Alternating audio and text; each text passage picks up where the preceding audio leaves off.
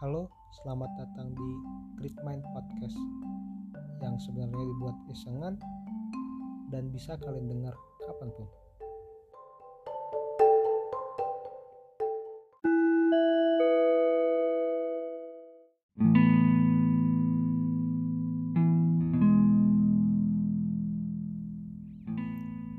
Halo, selamat malam.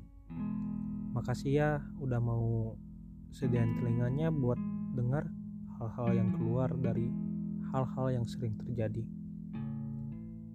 Malam ini aku mau cerita tentang manusia dan hal yang dilaluinya. Kalau dipikir-pikir, hidup adalah hal yang paling berharga yang kita terima.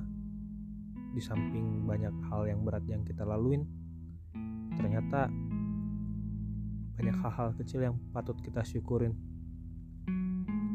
Bisa hidup, bisa bermain, bisa ketawa, bisa nangis, bisa ngerasain jatuh cinta, bisa ngerasain pahitnya dunia. Mungkin itu kado dari Tuhan yang kita terima. Tapi semuanya gak pernah ada yang abadi. Senangmu hari ini bisa aja dibalas sedih esok hari. Sedihmu hari ini bisa aja didatangin bahagia dalam waktu dekat. Atau kekayaanmu hari ini bisa aja hilang diambil orang.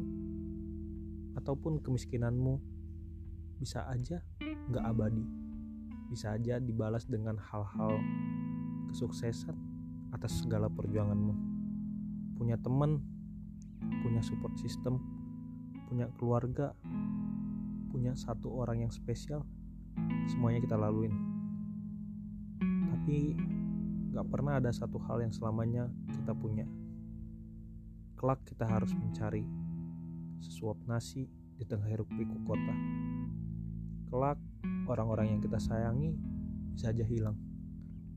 Umumnya kelak kita juga kehilangan orang tua kita yang dari dulu nemenin kita fase demi fase hidup selalu kita lewatin dan ya kita harus lebih baik dari fase sebelumnya kalau dihitung hidup kita cuma 70 tahun. Atau dibagi ke hari cuma 25 ribu hari. Dengan 25 ribu hari mau kita habisin hidup ke mana aja? Mau capai apa aja? Mau habiskan dengan orang yang mana aja? Semua ada di tangan kita. Kita selalu berhak punya pilihan yang menurut kita baik.